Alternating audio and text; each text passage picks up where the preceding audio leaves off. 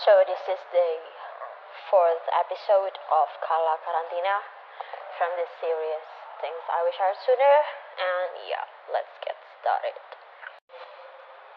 Now please see and look around. See all the things that twining and glitching around you. You need to realize how worthy you are. Stop focusing your life to people who actually give a damn about you. why why worry about who doesn't? You need to know what dreams you are about to catch. Stop focusing your own instead of thinking about others' choice. Why worry about things that doesn't even belong to you? You need you need to drop down your memory into things that really matter, appreciate you, mesmerize you. Simply do those who makes you happy. you know why? Because people are people. Don't ever think to steal others' light in order to make your own brighter. And please don't even think about giving people your own light. But it does make you darker. No. You need to realize that people are people. You are a dreamer by default. You are a thinker by design. You are who you are. Who cares about others? It's all about you and your whole damn life.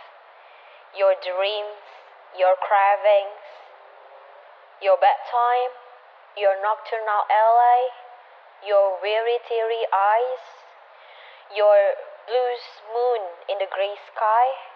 And yes, you gotta see that. I don't know, probably you ever think or even feel about things that just going through your head.